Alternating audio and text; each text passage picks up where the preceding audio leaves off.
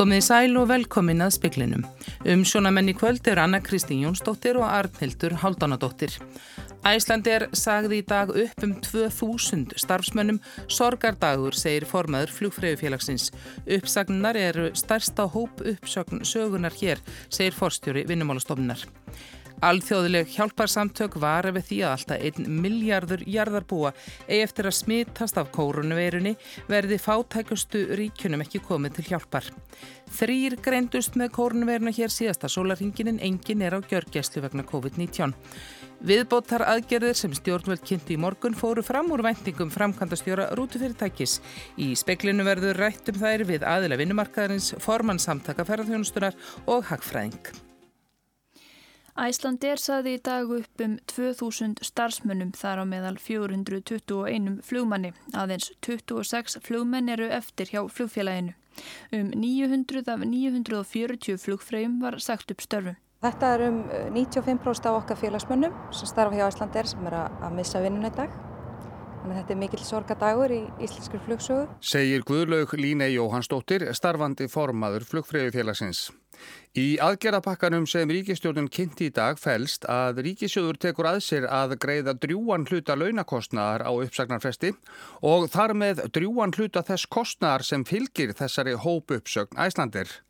Bóji Níls Bógason, fórstjóri Æslandir, segir að það hafi þó ekki haft mikil áhrif á umfang uppsagnarna. Þannig að við eitthvað að segja með útfæsluna en eh, ekki fjöldan því miður þá blasti þetta við að við erum að bregðast við með þessum hætti vegna þess að við erum að fljúa mjög lítið og við vitum ekki hversu lengi það verður þannig en þessi aðgerðarpakki skiptir miklu máli fyrir okkur fjárhastlega, það, það er ekki spurning. Bóji bindur vonir við að stór hluti þeirra sem sagt var upp í dag snúi aftur til starfa hjá félaginu. Við vonumst að sjálfsögtu þess, þetta er allt sama frábært starfsólk og þegar landi fyrir aftur að rýsa og markaðar að opnast þá ætlum við að vera í stakkbúin til að stökka til og þá þurfum við fólkið aftur, vonandi flest og við vonumst til þess að það gerist fyrir en síðar en því miður getum við ekki lofa neinu á þessu tímpunkti hvenar og hvernig það muni gerast.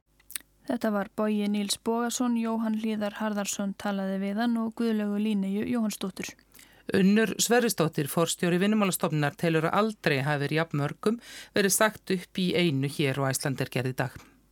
Ég held að þetta sé stærsta hópuppsögn í sögunni bara alveg. Ég held að ég sé alveg ótt að fullera það. Þetta er aldrei gert, þá er ekki svona stór hópur og ekki svona mikil fjöldi. Segir unnur Sveristóttir. Fólki var líka sagt upp hjá Eimskip, þar var 39 starfsmennum hér á landi sagt upp en alls voru uppsagnir skipafélagsins í dag 54. Alþjóðleg hjálparsamtök hvetja þjóðir heims til að koma löndum til hjálpar sem ítla geta varist COVID-19 farsóttinni. Ella sé hætta á að alltaf miljardur jarðarbúa ney eftir að smittast af kórunverunni. Samtökin International Rescue Committee skorðu í dag á velmegandi þjóðir heims að koma mannúðar og fjárhagsaðstóð til þeirra sem veikast standa. Löndaborð við Afganistan og Sýriland þyrti á skjótri hjálpað halda til að koma í veg fyrir að farsóttin breyttist þar út en væri tími til að bregðast við með afgerandi hætti. Upplýsingarsamtakana byggjast á gögnum og spálíkonum frá Alþjóða heilbyrðistofnuninni og Imperial College í Lundunum. Samkvæmt þeim gætu alltaf þrjár miljónir dáið í Londonum þar sem bardagar geisa og stjórnarfarir ótryggt. David Miliband, formaður hjálparsamtakana, sagði þegar hann kynnti hinnar dökku horfur að áhrifafarsótarinnar væri enn ekki farið að gæta í þeim hlutum heimsins sem viðkvamastir væru fyrir henni. Ráðamenn yrðu að leggja ágreining til hlýðar og vinna saman að því að veita þessum þjóðum mannúðaraðstóð. Samkvæmt samantækt Johns Hopkins háskólans í bandaríkjónum hafa rúmlega 3,1 miljón jarðarbúa smitast af koronaveirunni til þessa. Hún hefur dreyið yfir 200.000 til dauða. Ásker Tómasson saði frá. Þrjú koronaviru smitt voru staðfest hér síðasta sólarhingin þar af tvö á vestfjörðum. Allir sem greindust voru þegar í sótt kví. Fjöldi virkra smitta stendur nú nánast í stað. Alma Möller landlæknir fagnaði því í dag að enginn væri lengur á gjörgæslu með COVID-19. Síðan eru afar ánægileg tíundi dagsins að það er engin sjúklingur lengur á gjörgæslu. Það útskrifaðist uh, sá síðast í morgun á landsbytala og ég vil bara óska sjúklingum, aðstandendum, starfsfólki og okkur öllum til hamngi með það.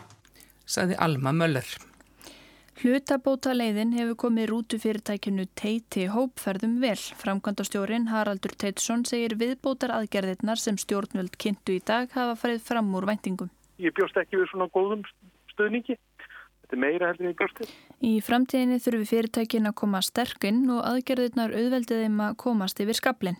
Hann segir stjórnvöld hafa haft góð tök á aðstæðum og komið með rétt ingripp á réttum tíma. Rútufyrirtæki hefur nýtt sér hlutabótaleiðina og Haraldur segir útlitt fyrir að það nái að halda í allt sitt starfsfólk. Fyrirtækið er þó með breyðari rekstrargrundvöld en mörg ferðarþjónustu fyrirtæki, sinnir auk ferðarþjónustu, skólaakstri og akstri fyrir fatlaða. Haraldur segir kuna fyrirtækisins Erlendis fylgja fylgjast vel með þróuninni hér. Maður er að heyra sem þetta, þeir vita alveg hvernig ástandið er hjá okkur og eru mjög spenntir. Um leið og opnast ekki fyrir að koma til landsins, þá myndið þurr koma. Þannig að ég held að það sé styrkurinn okkar. Saði Haraldur Teidsson. Leðtóðar samfylkingar og pírata telja að setja verið þau skilirði að fyrirtæki sem grípa til úrræða ríkisins nýti ekki skattaskjól. Þingmaði miðflokksins segir meiru skipta að aðgerið gangi hratt fyrir sig. Ekki er hveðið sérstaklega á um það í lögum um aðstof frá ríkinu til fyrirtækja vegna afleðinga farsóttarinnar að þau hafi ekki notvært sér skattaskjól og Lógi Einarsson, formaður samfélkingarinnar, segir brínt að bæta úr því. Þó það sé nöðsilegt að aðstofa fyrirtækja þessum erfiðum tímum, þá sína þessi tíma líka gildi samneslunar og við verðum að gera þá kröfum um að hér hafi fyrirtæki greitt til hennar allt það sem við eiga að greiða. Þannig að ákvæði um skattaskjól eiga tvímalust að komin. Haldóra Mógensen, þingflokksformaður Pírata, er sama sinnis og segir ríkistjórnina hafa sögulegt tækifæri til að koma á sjálfbærari og ábyrgari vinnumarkaði.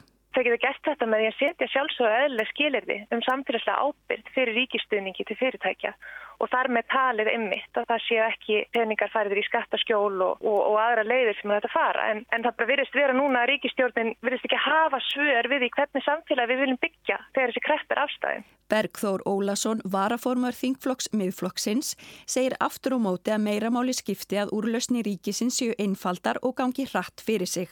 Ími skilirði hafi verið sett í aðgerðapökkum ríkistjórnarinnar. Frekar er að horfa til þess hver mikla fjármunni fyrirtækin hafi greitt til ríkisins. Ég held að verið mjög erfitt til að mynda því þú spyrðum um skattaskjólinn, gagvart þeim fyrirtækjum hér heima sem er í alþjóðlegum rekstri að fara að greina það hvort að fara á draga línuna er alvarlegt mála þau séu til dæmis með rekstur í Hollandi, Sviss, Breitlandi eða Belgiu svo ég nefn eitt af þeim fjórum, fjórum löndum sem eru við toppin á svo kallar corporate tax haven index. Þetta saði Bergþór Ólason daginn í Hulda Erlendsdóttir tók saman.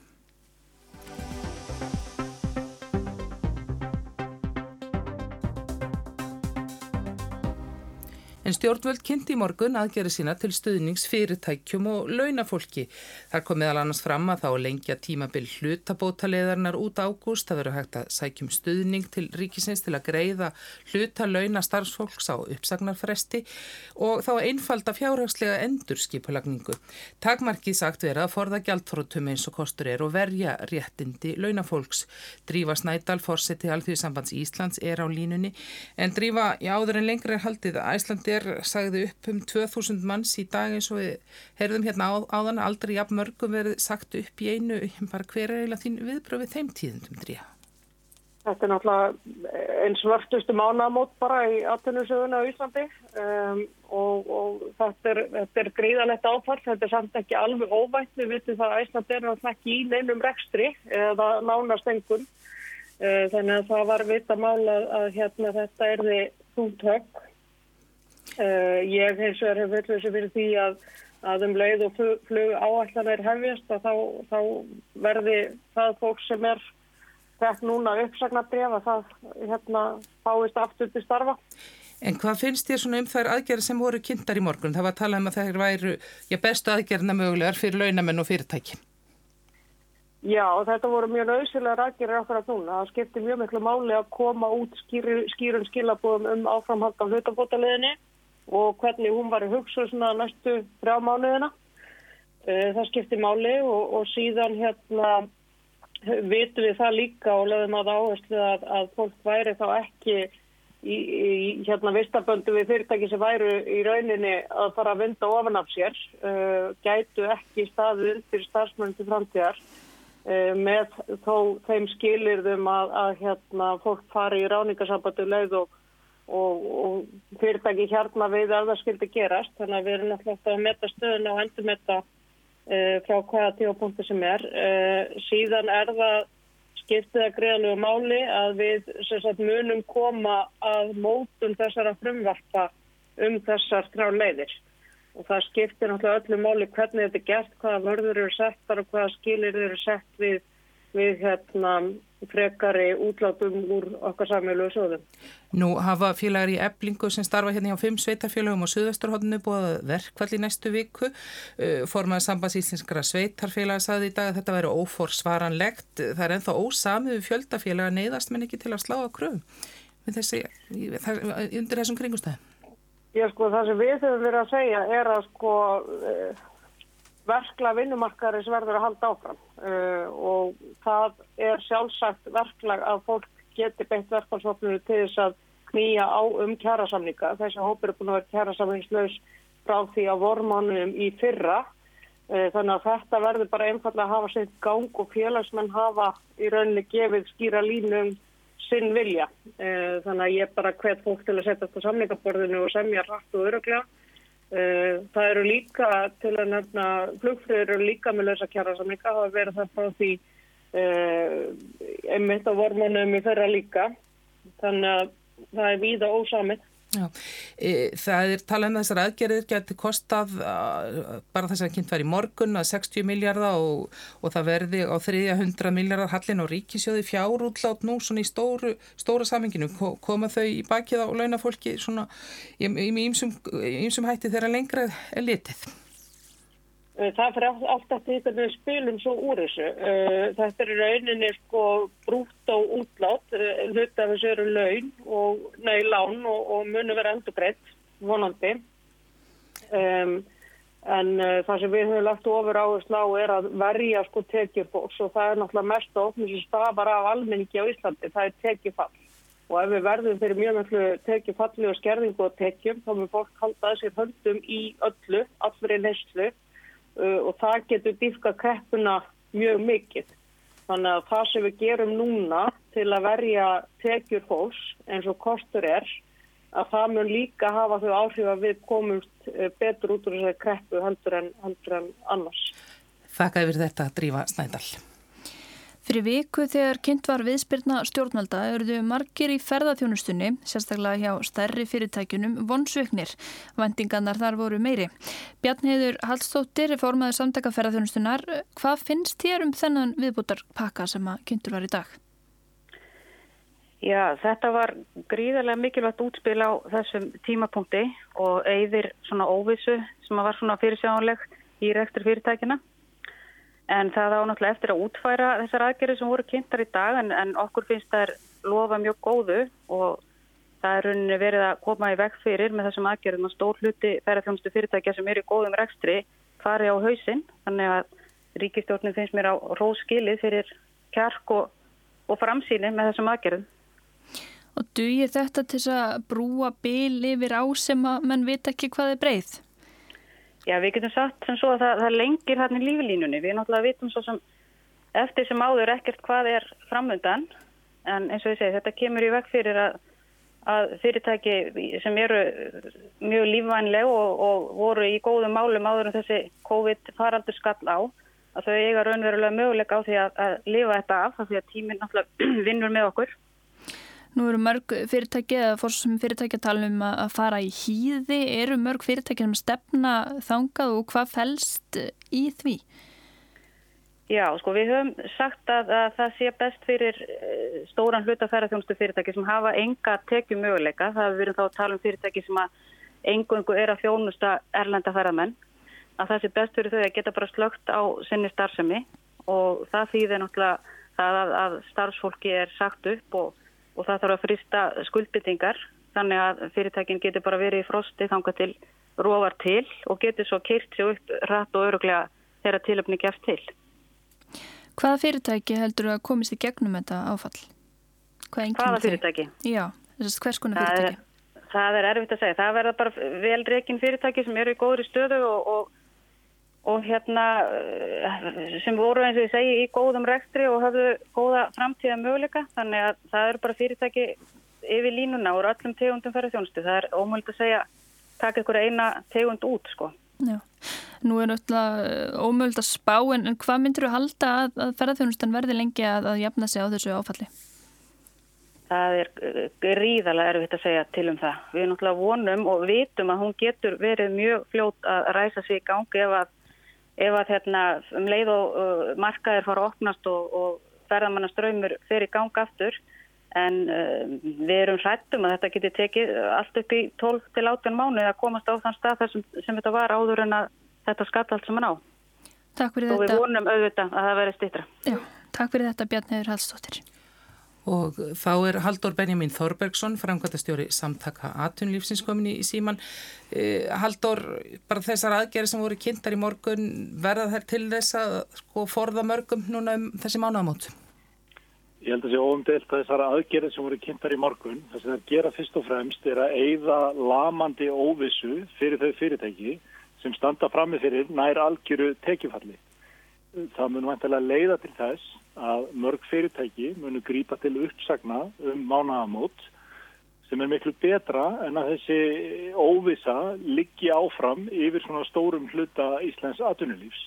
Það kann að hljóma öðugsnúið en með því að koma til mótsvið fyrirtæki og greiða uppsagna frest starfsmannaðar hluta er í raun verið að verja störf til framtíðar í mínum huga þar sem að fyrirtæki sem ella hefðu ekki hatt neitt möguleika á að gera upp uppsagnarfresti starfsmenn sína hefðu þurft að fara í gegnum gjaldrótaskipti ef ekki hefði komið til þessarar aðgerða sem kynnt var í dag.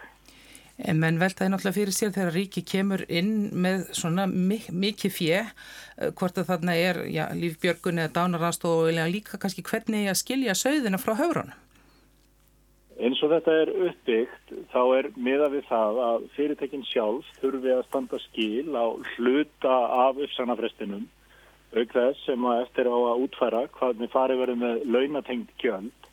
Og þá getur við sagt að það sé flokkunar aðferð þar sem að fyrirtekin sjálf, stjórnendur, eigendur og kröfuhafar þurfa sjálfur að meta hvort þeir telji að fyrirteki sé lífvænlegt til framtíðar en það þurfa þeir að leggja fram ykkur af fjármunni, talsverða fjármunni til þess að virkja þessa leið.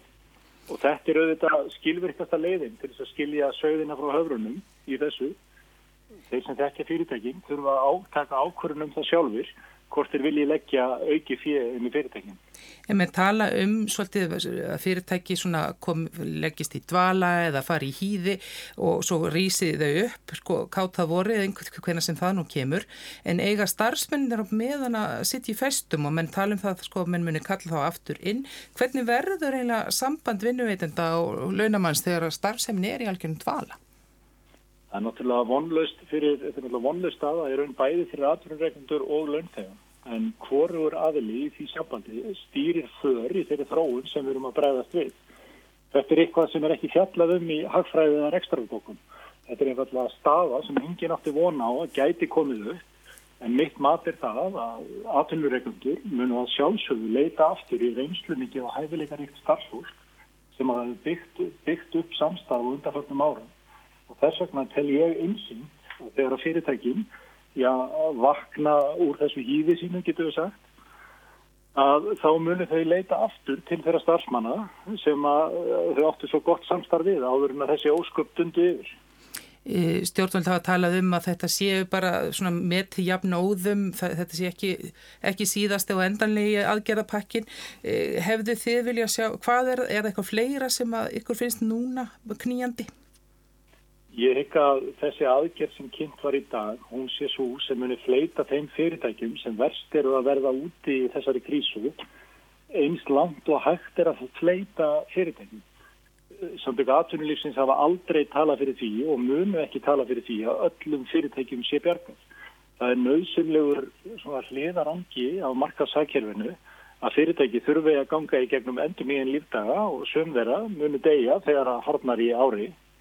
En hins vegar er ég alveg sammálur um það að þessi aðgerð er svo umsvifa mesta til að mæta því beina tjóni sem er að skapast fyrir, frammi fyrir augum okkar allra þessa, á þessum vikum. Þakka yfir þetta Haldur Benjamin Þorbergsson. Takk fyrir. Eitt liður í aðgerðabakkanum er að auðvelda fyrirtækjum fjárhagslega endur skipulagningu. Jón Bjarki Bentsson, aðalhagfræðingur Íslandsbanka, já, hvað fælst í fjárhagslegri endur skipulagningu og hvernig voru reglurnar að íþingja fyrirtækjum? Í fjárhagslegri endur skipulagningu fælst í rauninni að það er, er gerður, já, gert hljega á svona þjónustu venjulegra skuldbindinga fyrirtækja. Það er að segja þess að, að, að fyrirtæki gera hlýja því að borga fasta reikninga, borga af, af skuldum og, og, og standskil sem að, að annars þarf að gera. Í því skyni að, að í rauninni taka til í fjárregnum hérna, svona, svona frista stöðuna í rauninni, taka, getur sagt, taka við ljósmynda meðan, meðan uh, lesið er í það hvað sé það skynsalegast að gera í framhaldinu.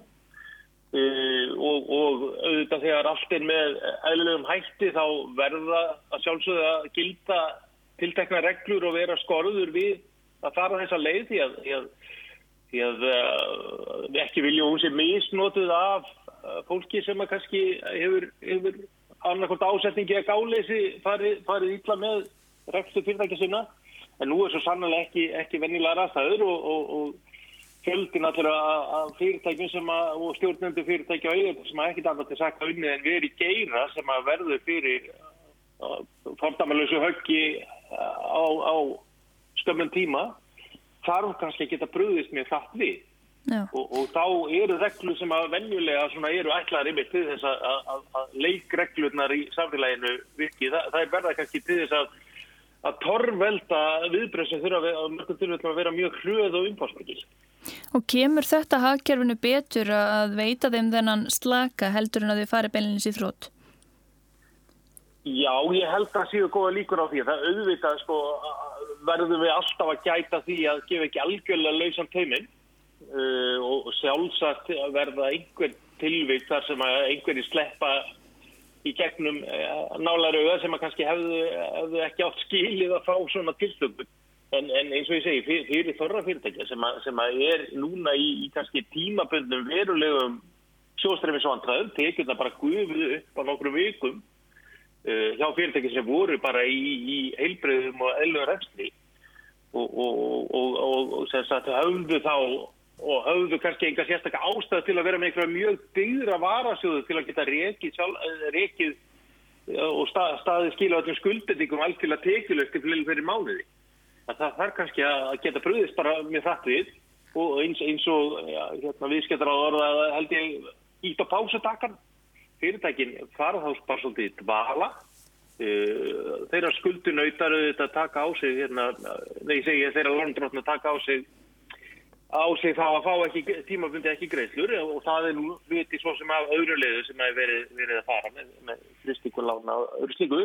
Og hlutabóta leiðinni þannig að, að en, en á móti kemur þá að fyrirtæki verða þá betri stakk búinn af því að þetta er með geiri sem að hefur ágændum möguleika að geta orðið með fljótur og fætur aftur til þess að taka tráðu þessi frávar horfum.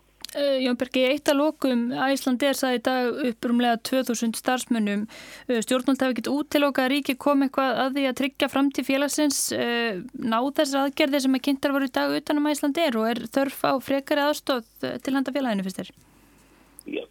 Hérna, Æsland er reynda skilsins svolítið úr í, í ferðarhjóstunum með það hvað, það hvað þeir voru eh, mjög varfærnir í, í sinni lausafjárstýningu það höfðu mjög dyra varasjóði en, en það svo sem eh, hérna, eh, hoknir af reynslu í mjög söflukendum bransa og, og miða við það sem að stjórnendur félagsins hafa sagt og stjórnvöld svo sem líka að þá hafa hefur félagið ágætis hérna, útalt til að standa af sér erfiða tíma og þetta er greinilega hjálpa mikið bæði, bæði það að, að ríkið hjálpi því eins og öðrum fyrirtækjum við, við þá hérna, að standa ströma uppsaka fresti þeirra sem sattur upp og, og þetta hérna, eh, hlutabótaliðin fyrir þá sem, sem enn það starfa.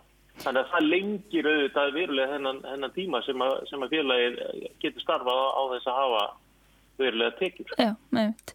Takk fyrir þetta Jón Björki Bentsson.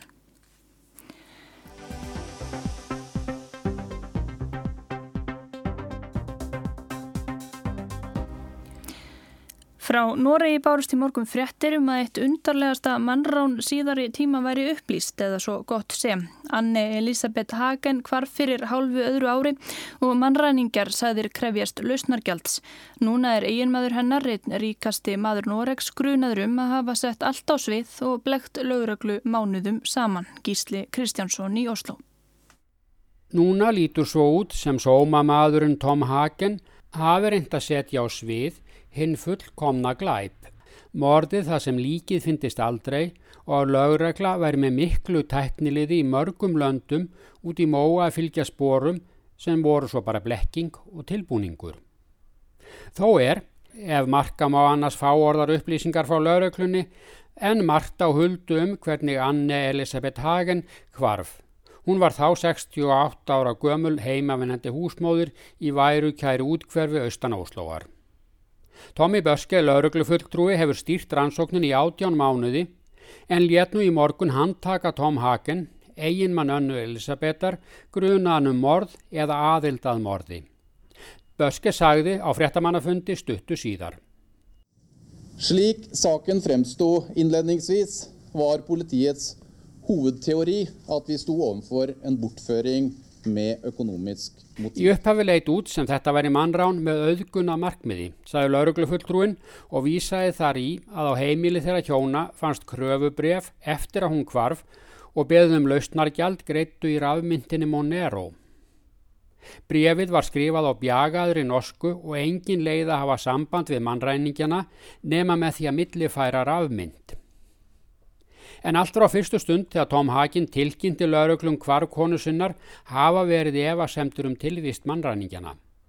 Í fyrsta lægi er Tom Hagen ekki áberandi ríkur, þó á lista við 200 ríkustu menn landsins, en þau hjón hafa alltaf haft mjög hægt um sig, ekki borist á og aldrei verið umtöluð sem ríkt fólk. Af hverju ættu einhverjir útlendingar einmitt að fá augast á þeim en ekki áberandi ríkum mönnum? Þá virtist sem mannræningunum lagi ekkert á að fá peningana. Yfirlitt vilja mannræningar fá lausnargjaldi strax og áður en að laurögla finnur nokkur spór. Í þessu tilviki voru samskiptin stópul og engar endun í að kröfur um lausnargjaldi heilt ár. Þetta tvent er nót til að grunur fór að beinast að eiginmanninum og í alvöru glæpasögum er eiginmaðurinn yfirlitt morðingin. Upplýst er að laurugla hóf síðasta sumar að fylgja sérstaklega með Tom Hagen, hlera síma hans og koma hlustunatækjum fyrir heima hjá honum og í vinnunni. Í næri ár hafa grunnsendir beinst að honum en sannan er skort. En sem komið hefur lauruglan ekki vilja upplýsa hvort sönnunargögn sem taka af öll tvímælum sekti eiginmennsins hafi fundist. Aðeins að grunur gegn honum hafi styrst jaft og þétt síðasta árið og að aðrir möguleikar hafi ímist verið útlökaðir eða taldir ólíklegir. Slik saken står nå, mener vi at det er svært lite sannsynlig at hun har vært utsatt for en ulykke eller sykdom, at hun har forsvunnet frivillig eller tatt sitt eget liv. Eins og máli lítur út núna er afar ólíklegt að hún hafi orðið fyrir slísi, veikst eða látið sér hverfa sjálf eða stitt sér aldur, sagði Tommi Böske í dag og þannig hefur tekist að útiloka mögulegar skýringar á kvarfi hennar. Og nákvamlega klukkan 9.14, daginn sem Anna Elisabeth kvarf, ringdi einn úr fjölskyldunni í hana. Hún var heima en eigin maðurinn í vinnunni. Engin merk er um að hann hafi komið heim fyrir en síðdegis. Þetta þykir benda til að fleiri hafi verið að verki. Láregla útilokkar ekki þann möguleika og leitin að líki og vitorsmönnum heldur áfram. Veðurhorfur eru þær það verður hæglega til sveður mestal land, norðvestan góla eða kaldi og þyknar upp fyrir norðan sent á morgun, miltað deginum engum sunnan til. En það var helst í speklinum að Íslandir sagði í dag upp um 2000 starfsmönnum í stærstu hóp uppsögn sögunar helendis. Sorgardagur segir formaður flugfræðifélagsins. Alþjóðuleg hjálparsamtök vara við því að alltaf 1 miljardur jarðarbúa eigi eftir að smittast á kórnveirinu verði fátækustu ríkjum heims ekki komið til hjálpar. Og þrýr greintust með kórnveiru hér síðasta sólarhingin, engin er á gjörgjæslu vegna COVID-19. Það var ekki fleira í spekli kvöldsins, tæknimaður var Ragnar Gunnarsson, veriði sæl.